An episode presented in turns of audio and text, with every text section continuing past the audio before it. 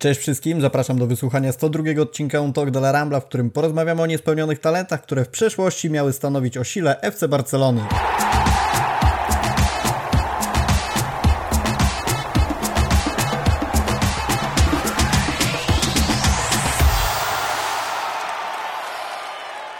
Cześć wszystkim raz jeszcze. Dzisiaj zapraszamy Was na odcinek, który być może nieco oderwie nas od aktualnych wydarzeń, od tego jak Barcelona prezentuje się na początku sezonu, ale pomyśleliśmy, że okres transferowy jest też również takim dobrym momentem, żeby sobie porozmawiać o wydarzeniach, które działy się w Barcelonie kilka, może kilkanaście lat temu, jeżeli chodzi o talenty, które miały rozkwitnąć, miały stanowić o sile pierwszego zespołu, a losy tych zawodników potoczyły się nieco inaczej. Oczywiście, jeżeli mówimy o tego typu zawodnikach, o przechodzeniu z zaplecza Barcelony do pierwszej drużyny, to moim rozmówcą nie może być nikt inny jak Piotrek Guziński. Siemanko. Cześć. Zaczniemy sobie od takiego tematu, żeby trochę nawiązać do tych talentów i do tego, jak poszczególni zawodnicy się rozwijali od aktualnych wydarzeń, jakie dzieją się w Barcelonie. E, oczywiście mamy gorącą nadzieję, że piłkarze, o których sobie za chwilę powiemy, czyli Nico oraz Alex Kojado nie wpiszą się w kanon tych zawodników określanych za kilka lat jako niespełnione talenty, ale jeżeli mówimy o wypożyczeniach, o tych ruchach transferowych, to nie możemy sobie nie wspomnieć o tych dwóch piłkarzach. E, Piotrek, pytanie do Ciebie. Wiem, że już sobie kilka razy rozmawialiśmy gdzieś o, o Kojado czy o Niko, jak ich ta kariera w Barcelonie może się kształtować, ale tak słowem podsumowania, żebyśmy mogli wyjaśnić naszym słuchaczom, co się wydarzyło, że zacznijmy od Alexa Kojado, Xavi nie widzi dla niego miejsca w nadchodzącym sezonie w pierwszej drużynie. Myślę, że środek pola jest obecnie tak obleganą pozycją, że ciężko będzie znaleźć miejsce Aleksowi. I tak jak już wielokrotnie wspominałem, Kojado jest dość przeciętny skrzydłowy, bo ma dość ograniczony wachlarz zagrań, jest powolny i bazuje głównie na, na zmianach tempa i dobrej technice, co na najwyższym poziomie, e, na najwyższym poziomie te braki będą bardzo widoczne i po prostu nie widzę szans, żeby Kojado mógł się w przyszłości przebić do pierwszej drużyny, dlatego wypożyczenie jest dla niego najlepszą opcją. Wyprzedziłeś trochę moje pytanie, bo następne, jakie chciałem zadać, to było, czy po tym okresie wypożyczenia do Elche jest szansa według Ciebie na to, że Kojado do Barcelony wróci i będzie stanowić o sile zespołu, ale rozumiem, że raczej nie widzisz takiej opcji. Nie, nie widzę tego. Kojado miał przedłużyć kontrakt i myślę, że po wypożyczeniu zostanie sprzedany.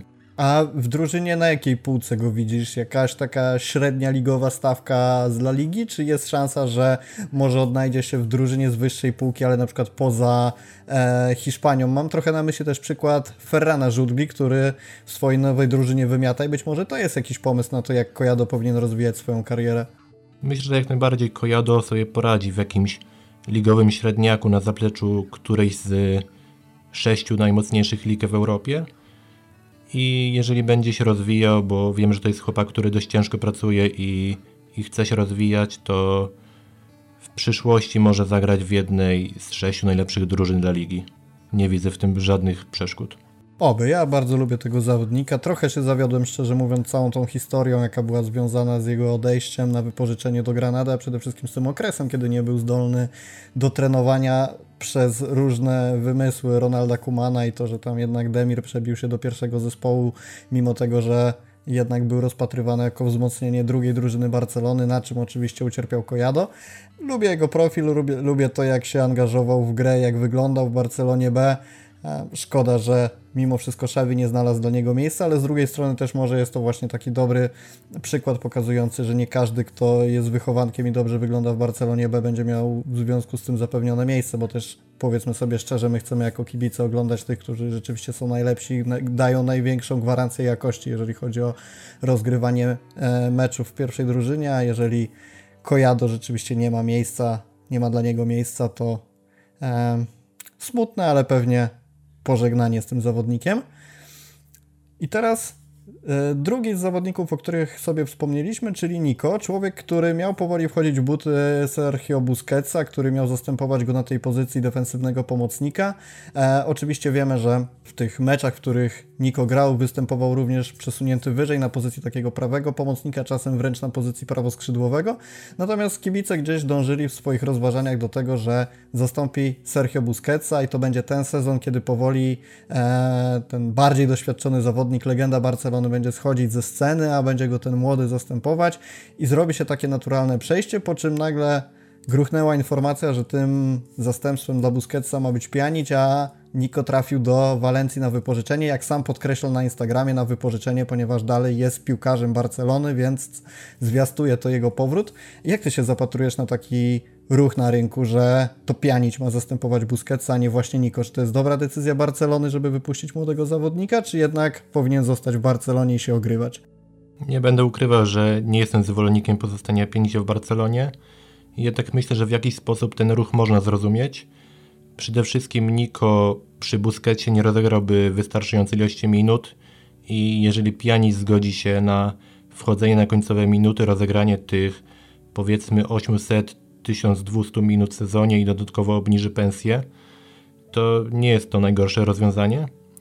I na pewno warto pamiętać, że Xavi chciał stawiać na Niko, chciał jego pozostania, jednak to on sam chciał, chciał odejść na wypożyczenie i się rozwijać, więc to też jest dobra informacja, że klub na niego liczy i Niko też ma nadzieję wrócić w przyszłym sezonie, a myślę, że będzie miał to ułatwione, bo jeżeli potwierdzą się te pogłoski, które pojawiają się w mediach, to Busk odejdzie i myślę, że to samo może wydarzyć się z Pianiciem. Także tutaj będzie wolne miejsce dla niego w składzie. W ramach naszego live'a przed meczem e, z Rajo, który oczywiście możecie obejrzeć na naszym kanale, zadaliśmy to pytanie Dominikowi Piechocie.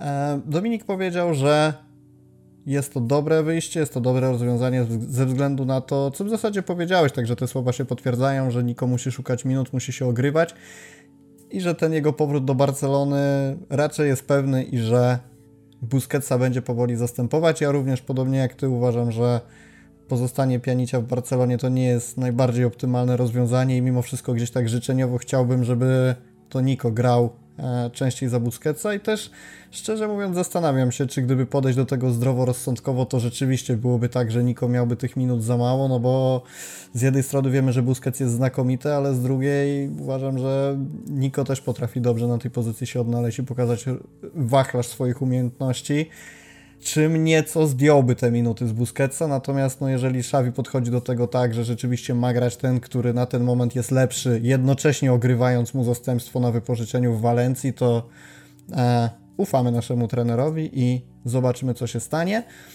Ale nie o Kojado i o Niko miał być ten podcast, tylko mieliśmy sobie trochę powspominać tych zawodników, którym nie wypaliło i tak jak jeszcze raz podkreślę, mamy gorącą nadzieję, że Niko do Barcelony wróci i nie będziemy go nazywać e, niespełnionym barcelońskim talentem.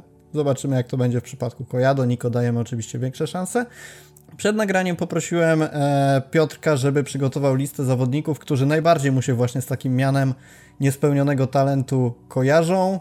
Kilka swoich propozycji dorzucił Maciej Machaj, czyli nasz redakcyjny e, kumpel, przyjaciel i specjalista od piłki kopanej. Nie mógł niestety wziąć udziału w nagraniu, ale zostawił swoje nazwiska, do których też sobie nawiążemy. E, Piotrek, pierwsze nazwisko, jakie wskazałeś, to Abel Ruiz. Dlaczego uważasz go za niespełniony talent i co tam się wydarzyło, że teraz mówimy o nim w ramach takiego podcastu? Abel na poziomie młodzieżowym był znakomitym zawodnikiem, strzelał gola za golem i bił wszelkie rekordy. W 75 meczach dla młodzieżowej kadry Hiszpanii strzelił 46 goli i zanotował 10 asyst, także to były naprawdę dobre liczby. Dodatkowo był tam kapitanem, y, prowadził Juvenil A do zwycięstwa w Młodzieżowej Lidze Mistrzów i miałem ogromną nadzieję, że to będzie napastnik, który w przyszłości zagra w pierwszej drużynie, że Lamazia w końcu wychowa swoją dziewiątkę. Jednak tak się nie stało. Gdy Abel zaczął grać w Barcelonie B, to można powiedzieć, że część jego umiejętności, tej zadziorności, umiejętności wejścia na pozycję wyparowało. Bardzo często znikał w trakcie spotkań, yy, był niewidoczny i nie angażował się w budowanie akcji. Tutaj myślę, że problemem właśnie była w jego przypadku psychika, bo nawet jeżeli udawało mu się strzelić bramkę, to, to zwyczajnie się z niej nie cieszył. Często spuszczał głowę i, i nie celebrował jej z kolegami z zespołu. Nawet przypomina mi się taka sytuacja z ze spotkania Barcelony B, w którym Abel, y, nie pamiętam czy jego strata doprowadziła do, do bramki, czy do groźnej okazji z strony przeciwnika, ale Gerald Lopez momentalnie zdjął go z boiska, a, a Ruiz rozpakał się na ławce rezerwowych, także To też potwierdza y, to, co mówiłem, że to nie był piłkarz z odpowiednią mentalnością i dobrze wiemy, że ta pewność siebie i psychika jest bardzo ważna dla środkowego napastnika, który tak naprawdę z tego żyje, z tej pewności siebie, z tego, że może strzeli bramkę, a u Ruiza tego brakowało. Aktualnie gra w Bradze, gdzie miał jeden solidny sezon i od poprzedniego sezonu tak naprawdę jest rezerwowym i nie potrafi przebić się do wyjściowej jedenastki. Powiedziałeś o tej pewności siebie. E, ja pamiętam taki moment w trakcie sezonu, jak e, Luis Suarez w pierwszej drużynie oczywiście doznał kontuzji i dużo się rozmawiało o tym, kto powinien skoczyć na jego miejsce w ramach e, rozgrywek i rzeczywiście to nazwisko Ruiza pojawiało się oczywiście gdzieś naturalnie, no skoro prezentował się dobrze, to takie oczywiste zastępstwo, natomiast w momencie, kiedy mówimy o kontuzji, nawet nie było takiej możliwości, żeby to się wydarzyło, a jeżeli chodzi o tę pewność siebie, no to, to rzeczywiście jakichkolwiek by umiejętności nie miał, to no, Suarezowi nie dorówna, ale fajnie rzeczywiście to tak kontrastuje ze sobą, bo mówimy o człowieku, który z jednej strony w Barcelonie B nie jest w stanie sobie poradzić z jakimś obciążeniem mentalnym, a z drugiej masz Luisa Suareza, z którym konkurujesz o miejsce w drużynie, a przynajmniej żeby urwać mu trochę minut, a jak wiemy, no Suarez jest człowiekiem, który e, tę mentalność, no mimo wszystko wiem, że może tu pojawią się różne głosy, ale ja uważam, że miał na bardzo wysokim poziomie i może czasem te umiejętności nie dojeżdżały w meczach Ligi Mistrzów, może rzeczywiście za szybko się podpalał, udawał, symulował i tak dalej. Jeżeli chodzi o takie generalne spojrzenie na tego piłkarza, to jeżeli chodzi o takie podejście psychiczne do spotkań, to uważam, że, uważam, że miał na bardzo wysokim poziomie. Zresztą, jeżeli ktoś jest e, trzecim najlepszym snajperem we FC Barcelonie, to mówi samo za siebie.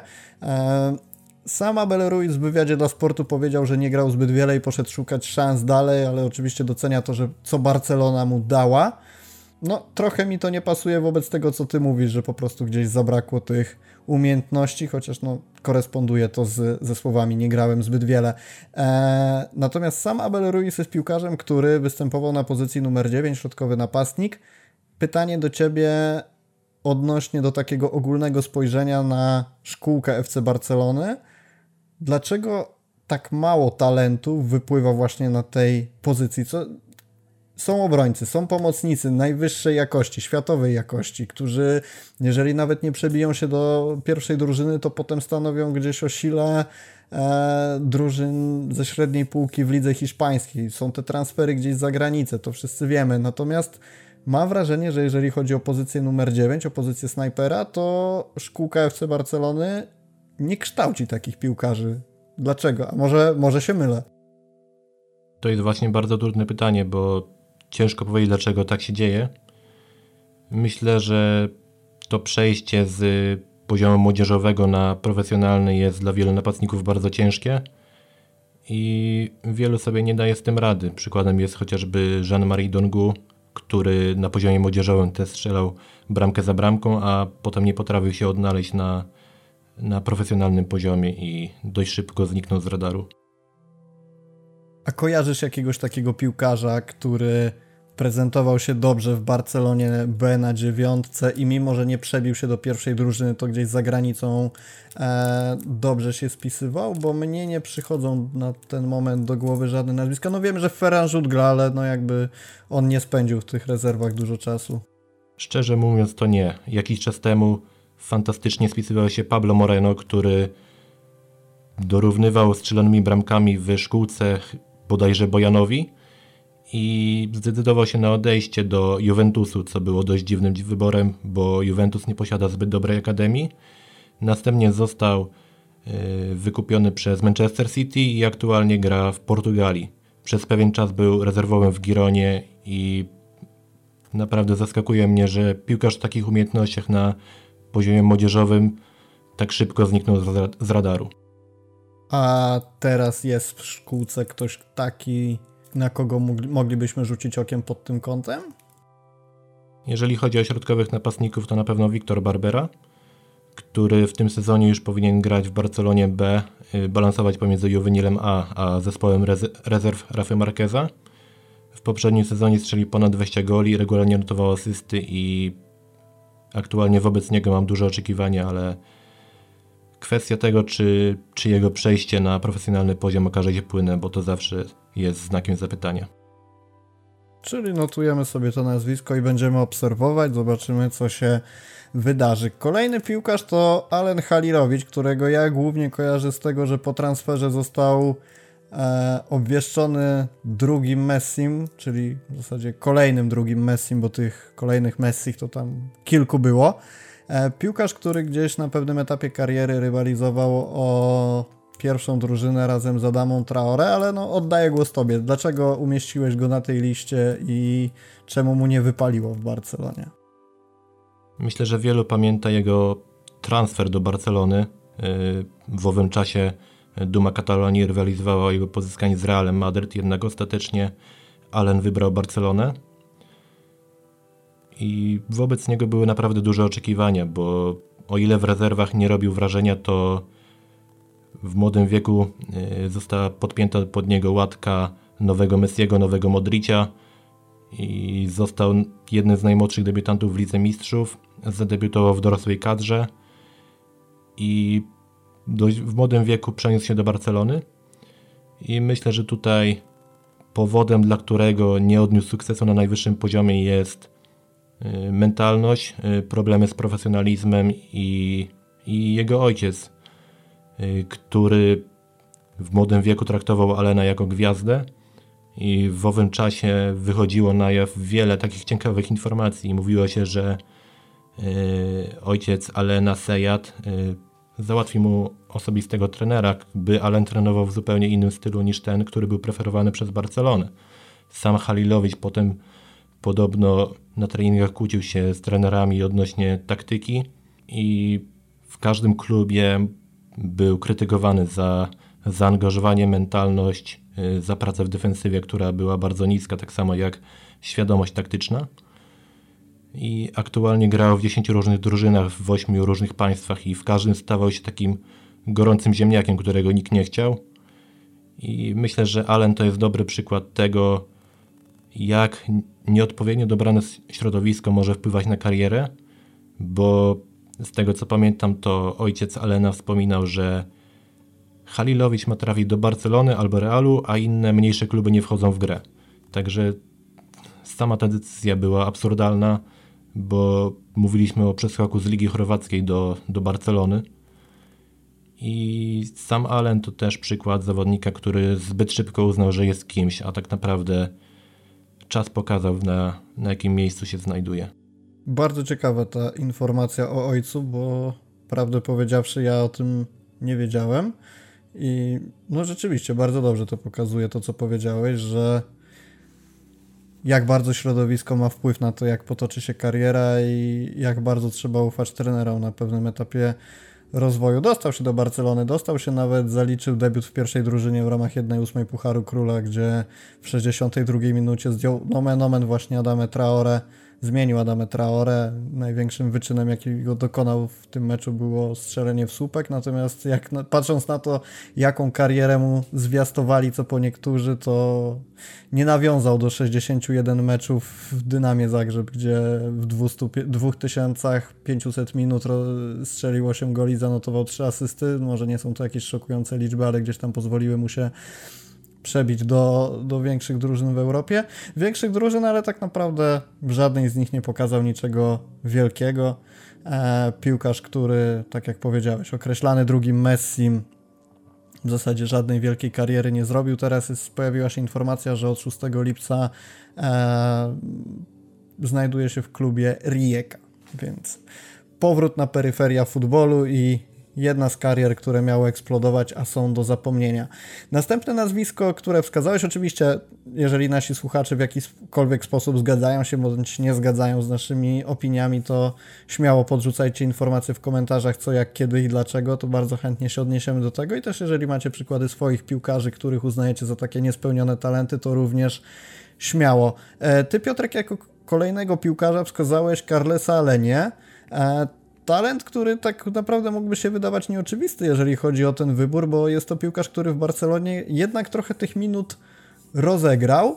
Eee, z czego wynika Twój wybór? Czy to jest taka trochę decyzja wynikająca z tego, że patrząc na potencjał Aleni osiągnął on w Barcelonie za mało?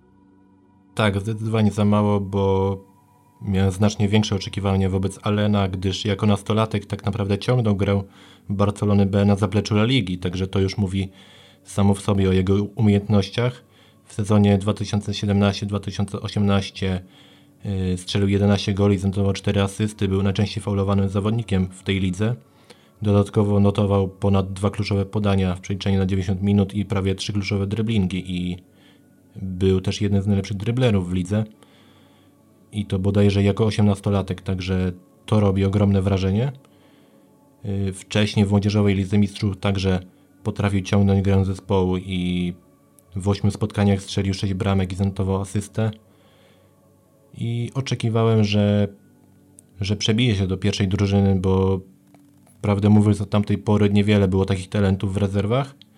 Jednak y, po sezonie 2017-2018 tym, tej znakomitej kampanii zerwał mięsień i uraz ten wyeliminował go z udziału w presezonie i od tamtej pory można powiedzieć, że nie był tym samym zawodnikiem i w pierwszej drużynie pamiętam tak naprawdę tylko jeden mecz, który dorównywał temu, co, co pokazywał regularnie na zapleczu La Ligi. A to jest ciekawe, bo ja przygotowując się do tego podcastu rzeczywiście też pamiętam jeden taki mecz Aleni. Nie mogłem sobie przypomnieć z kim był ten mecz, ale rzeczywiście było takie spotkanie, że dużo, naprawdę dużo komentarzy pomeczowych odnosiło się do niego i opisywało go jako takie realne wzmocnienie pierwszego zespołu. No, oczywiście nie mówiliśmy wtedy o pierwszym składzie, ale jako takiego rezerwowego wchodzącego w, w okolicach 60 powiedzmy minuty mogącego decydować o grze w środku pola.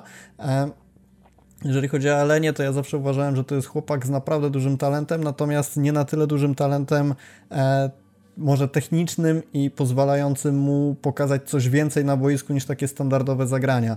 To znaczy, gdzieś zawsze ta piłka, kiedy miał coś z nią zrobić konkretnego, coś takiego, czym może nawet nie tyle oczarowałby kibiców, ale przełożyłoby się to na jakąś znaczną efektywność, to brakowało tego i e, z jednej strony widać było, że umiejętności ma, z drugiej brakowało mi, żeby naprawdę gdzieś to na boisku pokazał. Też e, ten, ta kampania, w której zaliczył najwięcej minut w Barcelonie, czyli sezon 18-19, 27 występów w pierwszej drużynie, no z jednej strony wiemy, jak w Barcelonie wtedy spisywał się Artur na przykład, który był jego konkurentem do gry w środku pola, ale no, jest to jednak piłkarz, który gdzieś umiejętnościami na tamten moment był oceniany jako półka wyżej i jeżeli dorzucimy do tego Busquetsa, Rakitica grającego czasem w środku pola Sergiego Roberto e, czy Vidala, czasami też cofającego się do środka pola Coutinho w zależności od taktyki, to ta konkurencja tam była jednak całkiem spora i wobec tego, że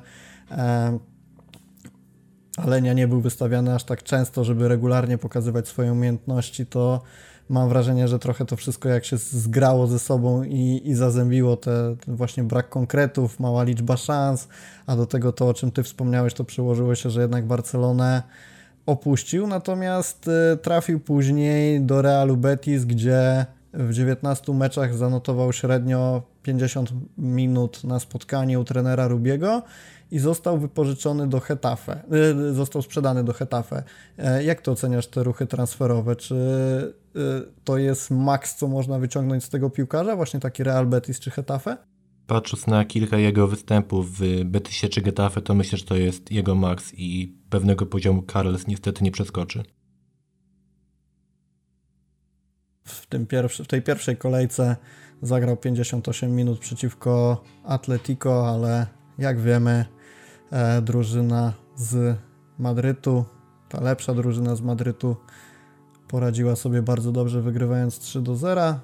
Alenia zagrał 58 minut, został zmieniony przez Portu. Ja sobie będę chętnie podglądał, jak będzie się spisywać Alenia e, w, w Hetafe, natomiast e, nie ukrywam, że znacznie chętniej zobaczyłbym go w taktyce Bordalasa, jak jeszcze trenował Hetafe, bo uważam, że taka właśnie e, surowa, e, taki surowy futbol z domieszką taktyki, jaką, ta, techniki, jaką Alenia miał, mogłoby fajnie się zgrać i, i rzeczywiście za czasów Bordalasa mógłby być takim dosyć ciekawym uzupełnieniem środka pola, natomiast wiemy, że Kike Sanchez Flores Bordelasem nie jest i ta gra wygląda nieco inaczej.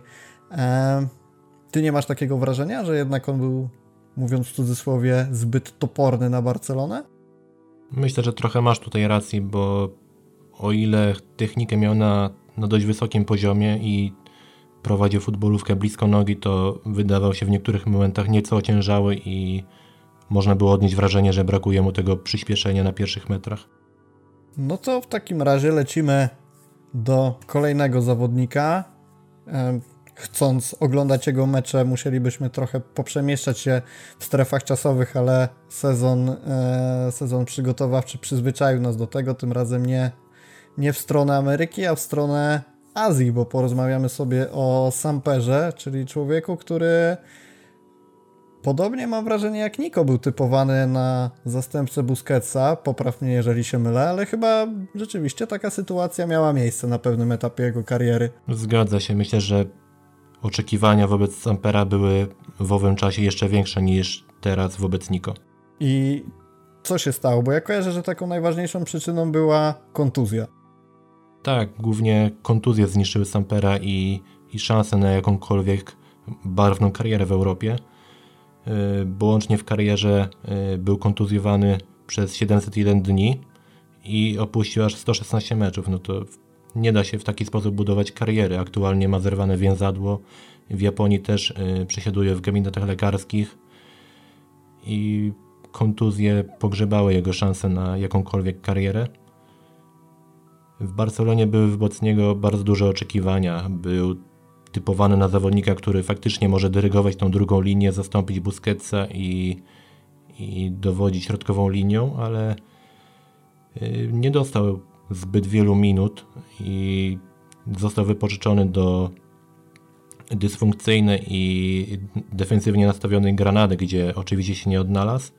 Potem wrócił do Barcelony, został wypożyczony do Las Palmas, gdzie dość szybko wypadł z powodu urazu i Później Barcelona już na niego nie postawiła. E, przypomina mi się też sytuacja z Gerardem Gumbau, który potencjałem był tak co najmniej dwie półki niżej i w pewnym momencie Enrique zaczął stawiać na niego i przestał korzystać z usług Sampera.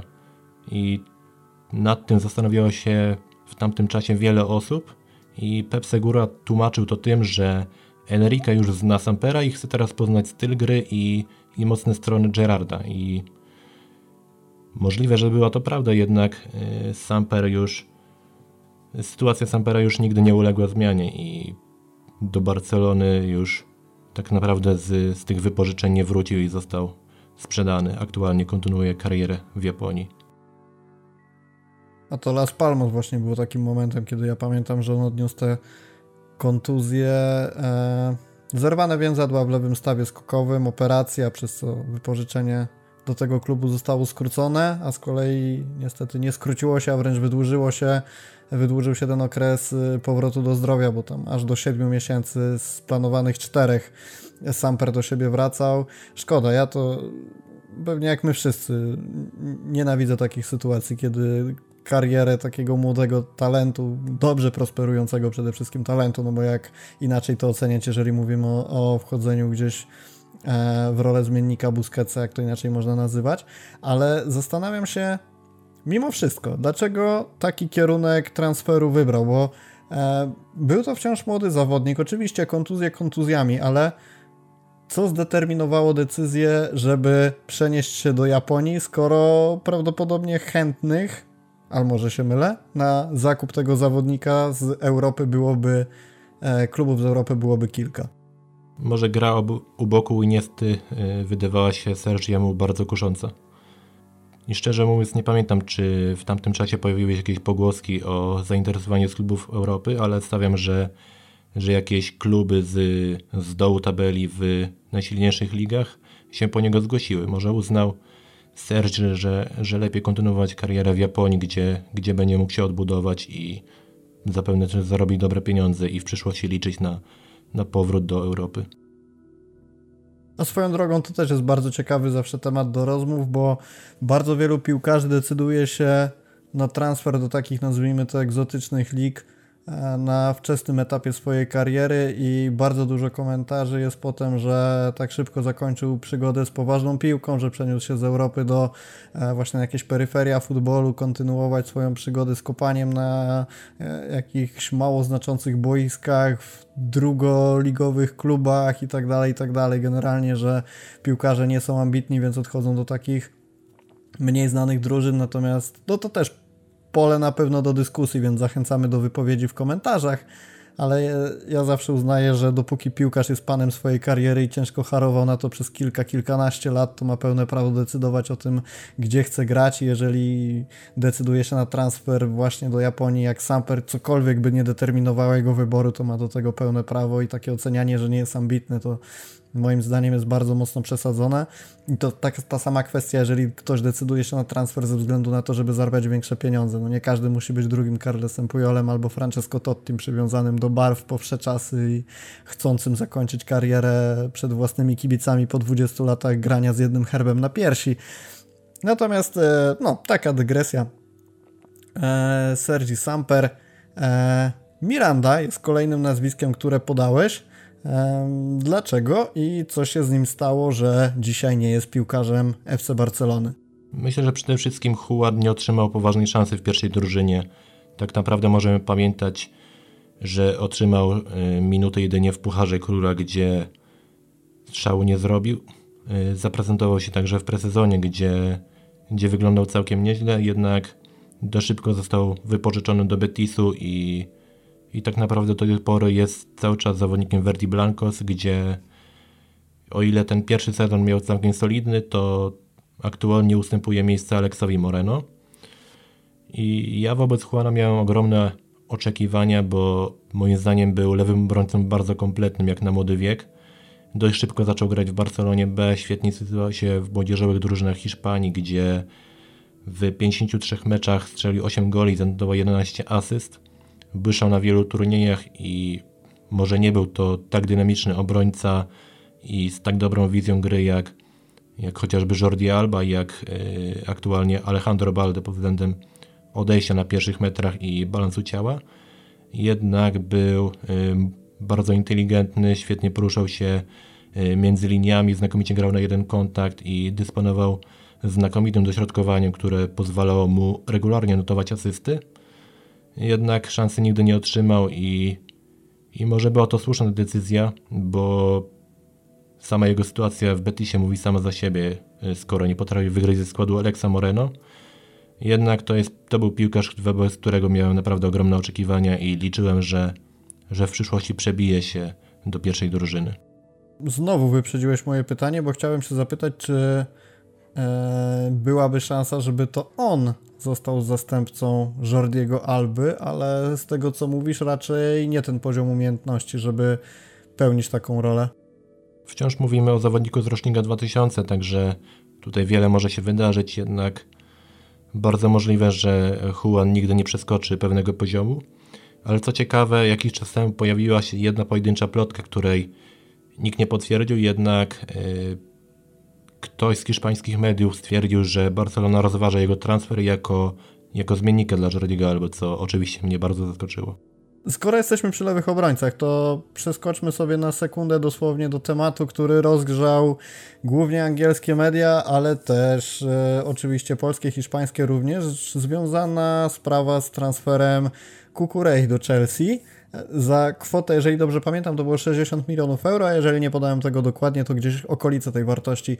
Jak ty oceniasz ten transfer z punktu widzenia człowieka, który obserwował jego rozwój przez lata? Czy to jest rzeczywiście dobre wzmocnienie Chelsea i przede wszystkim, czy, to, czy Kukureja jest warty tej kwoty? Myślę, że jeżeli chodzi o wzmocnienie, to, to jest to bardzo dobre wzmocnienie.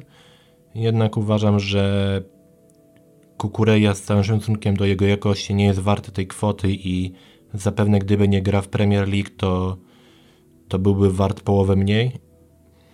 I mam nadzieję, że w Chelsea się rozwinie jeszcze bardziej, bo ten początek kariery ma tam naprawdę udany. A czy teraz w rezerwach Barcelony jest taki zawodnik, na którego możemy rzucić okiem pod kątem wzmocnienia lewej obrony? No oczywiście jest Baldo, o którym wszyscy wiemy i że gdzieś on jest tym teraz naturalnym zastępstwem dla Jordiego Alby, ale może powinniśmy patrzeć na nieco dalszy horyzont czasowy i już sobie rozmyślać nad tym, czy za sezon, za dwa z rezerw nie wypłynie jakieś kolejne nazwisko. W Juvenilu A aktualnie jest perspektywiczny Niko Takahashi, który ma obywatelstwo japońskie, argentyńskie i hiszpańskie, co jest totalnym ewenementem, jeśli chodzi o akademię w Hiszpanii. I to jest przede wszystkim lewy obrońca, który imponuje wizją gry, potrafi świetnie zagrywać y, między liniami, rozrzucać długie piłki i swoim stylem gry nieco przypomina mi Jordiego Albę. W tym sezonie będziemy mogli go zobaczyć w Juvenilu A i w młodzieżowej lidze mistrzów. Pozostaje liczyć, że, że jego rozwój będzie postępował płynnie i za jakiś czas zobaczymy go w rezerwach Barcelony. Ciekawe. Kolejne nazwisko, żeby sobie rzucić okiem. Co do y, Balde, też już rozmawialiśmy na jego temat tyle razy, że nie warto się powtarzać. E, dlatego kolejne nazwisko. Nazwisko piłkarza które szczerze mówiąc zszokowało mnie, kiedy zobaczyłem e, jego datę urodzenia dokładnie, bo okazuje się, że kiedy nagrywamy ten podcast 18 sierpnia, to dokładnie za 10 dni Bojan Krkić będzie obchodzić 32 urodziny. Pamiętam, kiedy pojawiały się te wszystkie newsy dotyczące rekordów, jakie bił podczas debiutów. Najmłodszy, najmłodszy strzelec bramki, najmłodszy debiutant, najmłodszy to, najmłodszy tamto. Okazuje się, że jest już mocno, no nie mocno po 30, ale po 30. E, piłkarz, do którego chyba wszyscy mieliśmy dosyć e, być może niewygórowane, ale na pewno większe oczekiwania niż rzeczywiście przyniósł, przyniosła nam jego kariera. Piłkarz, który w pewnym momencie przecież odziedziczył dziewiątkę, z którą występował na koszulce, typowany na podstawowego napastnika. O, to swoją drogą może być takie nazwisko, jak rozmawialiśmy sobie o Ruizie, takie, takiego piłkarza, który przebił się z Barcelony B, żeby stanowić o sile ataku na pozycji numer 9. Wiemy, jak potoczyła się jego kariera, ale podobne pytanie jak w przypadku Carlesa Aleni dlaczego go tu umieściłeś i czy rzeczywiście piłkarza, który mimo wszystko w Barcelonie tak dużo zrobił jak na swój wiek, możemy uznawać za niespełniony talent? Myślę, że jak najbardziej możemy uważać Bojana za niespełniony talent, biorąc pod uwagę, jak ogromne oczekiwania były wobec niego. Y, dość szybko był porównywany do Messiego ze względu na styl gry, na, na sylwetkę, na poruszanie się po boisku, włosy i te porównania nie odstępowały Bojana o krok i sam Bojan w wywiadzie mówił, że do pewnego momentu jest to do wytrzymania, ale głowa się wypełnia i, i potem człowiek wybucha. I myślę, że historia Bojana jest o tyle smutna, bo umiejętności mu nie brakowało, tak samo i zdrowia i profesjonalizmu, tylko tutaj problemem były y, problemy psychiczne, które pojawiły się przy pierwszym powołaniu do reprezentacji Hiszpanii. Mówił, że był przytłoczony, y, był przytłoczony presją, odczuwał y, zawroty głowy, panikował i z tego względu nie udał się na Mistrzostwa Europy w 2008 roku. I według mediów było to z powodu y, wyjazdu na wakacje. Potem zrezygnował z meczu przeciwko Francji i bodajże w komunikacie reprezentacji było, że powodem tej absencji jest zapalenie żołądka. I sam Bojan po latach wspomina, że, że te informacje były bardzo smutne, że e, był często obrażany na, na ulicy nawet za to, bo kibice nie mieli pojęcia, że, że piłkarz może mieć stany lękowe, depresje czy, czy napady paniki. I sam mówi, że, że musiał brać leki, że przez 24 godziny na dobę odczuwał modłości, y, odczuwał strach i żył na krawędzi. I myślę, że o tych problemach wciąż bardzo się mało mówi w mediach i piłkarzy traktuje się y, jak maszyny, które nie mogą mieć żadnych problemów zdrowotnych, y, psychicznych i w jakiś sposób jest to marginalizowane przez społeczeństwo i media.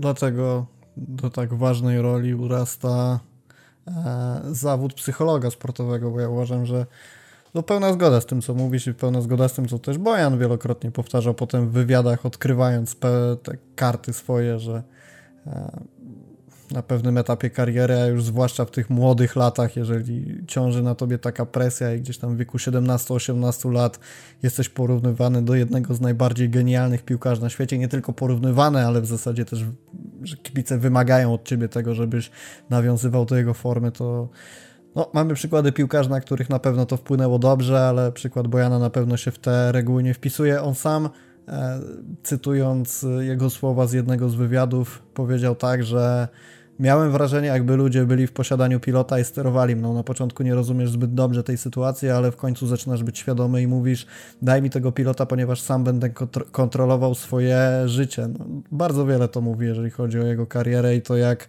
e, jak się zaczęła i jak się w zasadzie skończyła. To moje pytanie na początku, czy możemy uznać Bojana za niespełniony talent, było trochę podchwytliwe, może nie podchwytliwe, ale e, mające uzyskać odpowiedź, że, że nie, że nie jest to przesadzona opinia, bo ja też mm, sądzę, że przykład tego no, świetnego zawodnika, jakby nie patrzeć, bo karierę miał wspaniałą, o czym też wielokrotnie powtarzał w wywiadach, że wielu mu zazdrości takiej kariery. E, piłkarz, który na pewno zasłużył na to, żeby dostać więcej. I też myślę, że dobry, dobry przykład, żeby inaczej na ten moment podchodzić do takich postaci jak Gavi, Pedri czy e, jednym tchem chciałem wymienić Niko, natomiast chodziło mi bardziej o Fatiego, że gdzieś te roczniki 2000, 2002, 2004 to cały czas młode dzieciaki, które mimo, że prezentują znakomitą formę na boisku, to koniec końców mają jeszcze przed sobą bardzo dużo, jeżeli chodzi o rozwój nie tylko sportowy, ale właśnie od tej strony psychologicznej, mentalnej i, i trzeba do tego podchodzić tak, że oni ciągle mogą, ale jeszcze nie muszą, tak ja sądzę, a, a jestem ciekawy, czy zgodzą się z tym nasi słuchacze, no bo jednak mówimy między innymi o Pedrim, który, e, od którego być może już musimy wymagać, skoro prezentuje tak znakomitą formę. E, piłkarze, których wrzucił nam Makaj do omówienia. Christian, Christian Tejo obecnie jest bez klubu. Co sądzisz o tym piłkarzu i dlaczego jest niespełnionym talentem? Myślę, że Tejo to przykład takiego piłkarza, który jest solidny, ale pewnego poziomu nigdy nie przeskoczy. Mi się zawsze kojarzył z meczów Barcelony, jak wchodził w końcówce i można było być pewnym, że strzeli gola albo zanotuje asystę. I wielu myślę, że miało nadzieję, że pozostanie w Barcelonie na dłużej. Może nie tyle, że przebije się właśnie do tej pierwszej jedenastki, ale będzie miał bardziej barwną karierę. Y, jednak to był troszkę taki skrzydłowy, o ograniczonym wachlarzu zagrań, bo pamiętamy, że przeważnie Tejo schodził do środka i uderzył za pola karnego, co kończyło się bardzo często golem. I myślę, że na przestrzeni lat taki zmiennik był y, bardzo przydatny, zwłaszcza jeśli spojrzymy na, na piłkarze, którzy trafiali do Barcelony w kolejnych latach. I sam Tejo w pierwszej drużynie strzelił 20 goli, zanotował 14 asyst i bezpośredni udział w bramce notował co 92 minuty, co jest naprawdę dobrym wynikiem, jeśli chodzi o młodego piłkarza grającego na pozycji skrzydłowego, który dostawał tak naprawdę tylko końcowe minuty. Ja Teo kojarzę głównie z takiego bardzo przewidywalnego driblingu, gdzie schodził do linii końcowej i zwykle kończyło się to no, na dwa sposoby to raczej oczywiste, albo że dał radę przejść obrońcę, albo nie dał, ale rzeczywiście, jeżeli sobie przypomnimy styl jego grania, to było takie bardzo, bardzo szablonowe zagranie. E, ja też mam wrażenie, że podobnie jak rozmawialiśmy sobie o Aleni, jeżeli, jeżeli on miał taką rywalizację w środku pola, to podobnie było w przypadku Christiana Tejo, no bo jeżeli mówimy o tym sezonie 12-13, kiedy rozegrał najwięcej najwięcej minut, 22 występy, z czego 12 od pierwszej minuty, 7 goli, 4 asysty, to e, jego konkurentami w linii ataku. No, Messi oczywiście, to wiemy, że nawet nie tyle konkurent, co po prostu ściana nie do przesunięcia, jeżeli chodzi o pierwszy skład, ale Pedro, Alexis Sanchez czy David Villa to są postaci, które decydowały o tym, jak ten tercet ofensywny Barcelony wyglądał i tak naprawdę piłkarze nie do zdetronizowania przez e, Tejo na tamten moment. Szkoda, aczkolwiek zgadzam się z tym, że nie, nie był to piłkarz, który w Barcelonie mógł coś osiągnąć przy, e, przy tamtych czasach, przy tamtej dyspozycji piłkarzy z ataku.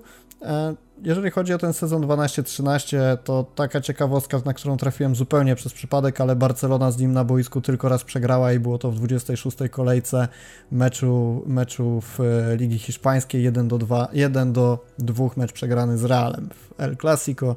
E, żaden to prognostyk, ale jakby sobie jakąś ciekawostkę Tejo chciał do CV wpisać, to śmiało może, jest czym się pochwalić, nawet jeżeli to tylko ciekawa statystyka, która niewiele oddaje e, z tego, co pokazywał na boisku. E, mieliśmy dwóch piłkarzy o nazwisku Cuenca w Barcelonie. Makaj wybrał sobie do omówienia Jorge Cuenkę.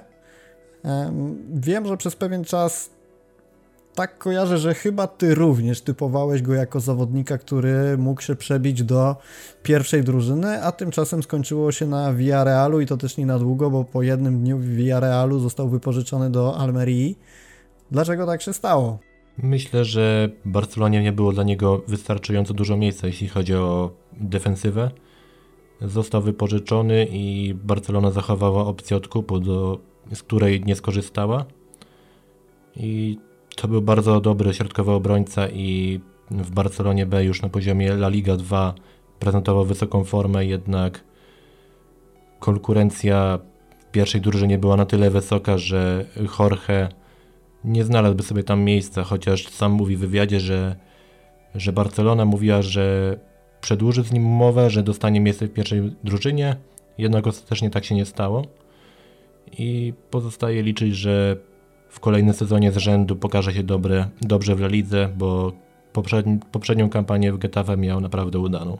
No, powiedzieć, że miał udaną, to przede wszystkim, jeżeli sobie patrzymy pod kątem minut, to e, rzeczywiście ma ich rozegrane przede wszystkim mm, sporo tych minut, bo e, to, co jest, tak jak pewnie wielokrotnie już powtórzyliśmy w tym podcaście, dla młodego zawodnika istotne, to liczba tych rozegranych minut. To jest najważniejsze, że Hetafe gra 32 występy, z czego 31 jako starter, siódmy pod względem liczby rozegranych minut w samej lidze i e, najwięcej odbiorów zanotowanych w defensywnej tercji boiska ze wszystkich piłkarzy Hetafe. Znowu ciekawostka statystyczna, ale zawsze lepiej to tak się prezentować i przedstawić e, w ten sposób, niż gdyby miał się nie wyróżnić kompletnie niczym. Oczywiście to jest nie w przeliczeniu na 90 minut, bo tam wypada gorzej, ale ze względu na skalę rozegranych minut 41 e, tych odbiorów najwięcej w Hetafe zanotował. Także kolejny piłkarz, którego karierę warto na pewno obserwować. Zwłaszcza, że widzimy, że Liga Angielska mocno zapatruje się na transfery z Ligi Hiszpańskiej, więc być może za jakiś czas będziemy oglądać Kłękę na boiskach angielskich. Mamy jeszcze e, dwa nazwiska wskazane przez Makaja: Denis Suarez i Deulofeu. Piłkarze, którzy też gdzieś ocierali się o e, poważną karierę w pierwszym zespole, a skończyło się epizodem, z którym z nich ty wiązałeś większe nadzieje? Myślę, że z Delofeu.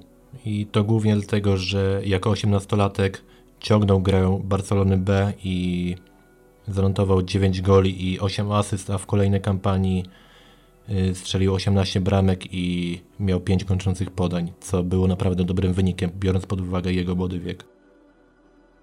Ja Deulofeu trochę znowu kojarzę z takim profilem gry w stylu Cristiana Tejo, że dosyć to przewidywalne, ale wiemy, że ten jego powrót do Barcelony e, zwiastował jakieś takie nadzieje związane z tym, że będzie istotną rolą, będzie miał istotną rolę w Dumie Katalonii. Wiem, że teraz gdzieś pojawiły się znowu plotki, że miałby do Barcelony dołączyć. Nie wiem na ile to było podane przez jakieś poważne źródło. Podejrzewam, że, że niekoniecznie jakiś wysoki tier to był. Natomiast E, szybko zostało to sprowadzone na ziemię przez kibiców, którzy dali jasno do zrozumienia, że oglądanie go kolejny raz w Barcelonie nie ma sensu.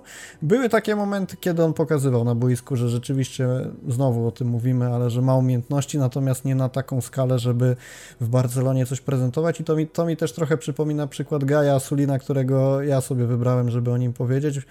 E, piłkarz, którego ja przede wszystkim kojarzę z której z edycji gry FIFA, bo bardzo pasował mi ten zawodnik w jakimś tam trybie menedżerskim czy jakichś innych modelach rozgrywki. E, szybko się rozwijał i potem był istotną postacią, jak już trochę podrósł, nabrał doświadczenia w tych wirtualnych rozgrywkach. Podpisał kontrakt z Barceloną w lipcu 2004 roku, co daje nam jasny obraz tego, o jakich czasach mówimy, jak dawno to było, bo znowu jest to piłkarz, którego my kojarzymy gdzieś z młodym talentem, a jest to rocznik 91, czyli 31 lat, urodzony 9 kwietnia, więc już urodziny obchodził. E, w sezonie 07-08 kluczowy zawodnik Barcelony B, co prawda no w wieku jeszcze e, 7, niespełna 17 lat, teraz już powoli na takich zawodników Barcelona się zapatruje jako kluczowych zawodników pierwszej drużyny, natomiast Wtedy, wtedy Asulin był rzeczywiście jeszcze kluczowy, ale na zapleczu. 2008 rok, pierwsze problemy z regularną grą wobec braku zaufania ze strony trenerów. 2009 rok, problemy z kolanem. Co prawda w październiku zadebiutował rozgrywając 57 minut z Kulturale Leonesą w Pucharze Króla i tak naprawdę był to jedyny występ w pierwszej drużynie. 2010 rok, brak klauzuli gwarantującej mu takie regularne występy w pierwszej drużynie.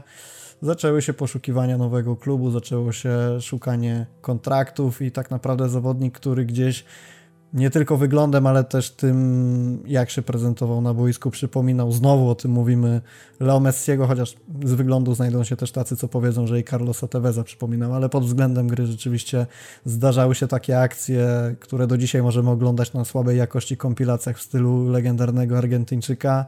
Skrzydłowy, umiejętności gry na jeden, y, umiejętności gry jeden na jeden, doskonałe przyspieszenie, balans ciałem, taki myślę typowy skrzydłowy, który dobrze się zapowiadał, a gdzieś zakończyło się tym, że e, przepadł, tułał się po jakichś klubach typu, no po Barcelonie był ten Manchester City, natomiast potem Racing, Hercules, Mallorca, APL Tel Aviv, a potem to już zupełne zaplecze typu Kairat Almaty i i jeżeli mam dobre informacje, to obecnie pozostaje bez klubu. Natomiast jeżeli mówimy sobie o tych talentach, które gdzieś były rozpatrywane przez, przez kibiców jako postaci mające stanowić o, o wyglądzie Barcelony, być o tych zawodnikach, którzy mieli być e, piłkarzami regularnie występującymi w wyjściowej jedenastce, to był taki moment, że Asulin takim piłkarzem był.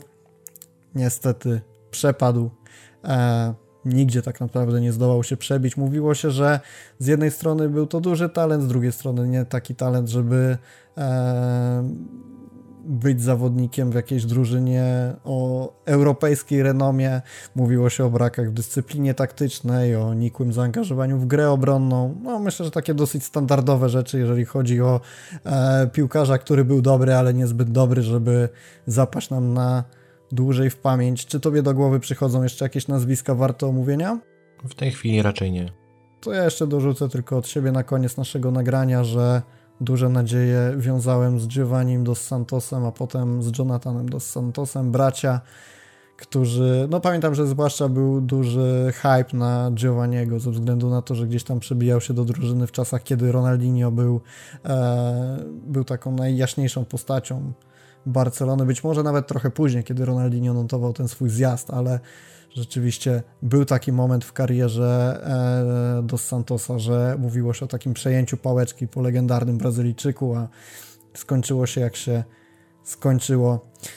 Dobrze, będziemy w takim razie, myślę, kończyć. E, trochę sobie powspominaliśmy, trochę, mam nadzieję, oderwaliśmy nas, was, nas również, my również się oderwaliśmy, ale przede wszystkim, że was oderwaliśmy od Roberta Lewandowskiego, którego nazwisko pada pierwszy raz dopiero teraz, co jest w ogóle ewenementem, jeżeli chodzi o ostatnie nagrania, bo zwykle gdzieś do dziesiątej sekundy wytrzymywaliśmy, żeby o Polaku nie wspomnieć. E, podcast, w którym chcieliśmy trochę e, przytoczyć Wam nasze spojrzenie na to, kto przez Barcelonę się przetoczył, kogo my wspominamy, ale oczywiście zachęcamy Was bardzo serdecznie do dyskusji o talentach, które e, Waszym zdaniem powinniśmy wymienić, a o których zapomnieliśmy. Być może Fontas, być może Mark Muniesa powinni się tutaj znaleźć kosztem piłkarzy, których wymieniliśmy.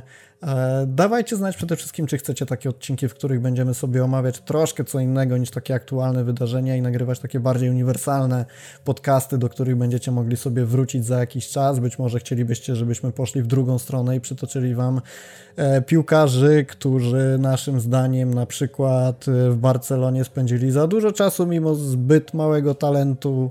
E, jesteśmy jak najbardziej otwarci na to, żebyście rzucali nam swoje propozycje. My w miarę możliwości oczywiście odniesiemy się do nich, nagramy taki odcinek dla Was. E, Podcast jest po to, żebyście Wy mieli czego słuchać, a my przy tym oczywiście się super bawimy, że możemy się z Wami tym podzielić. E, Suby, łapki w górę, pamiętajcie o tym. Piotrek, bardzo dziękuję za nagranie. Mam nadzieję, że do usłyszenia wkrótce. Dzięki, cześć. Dzięki, do usłyszenia.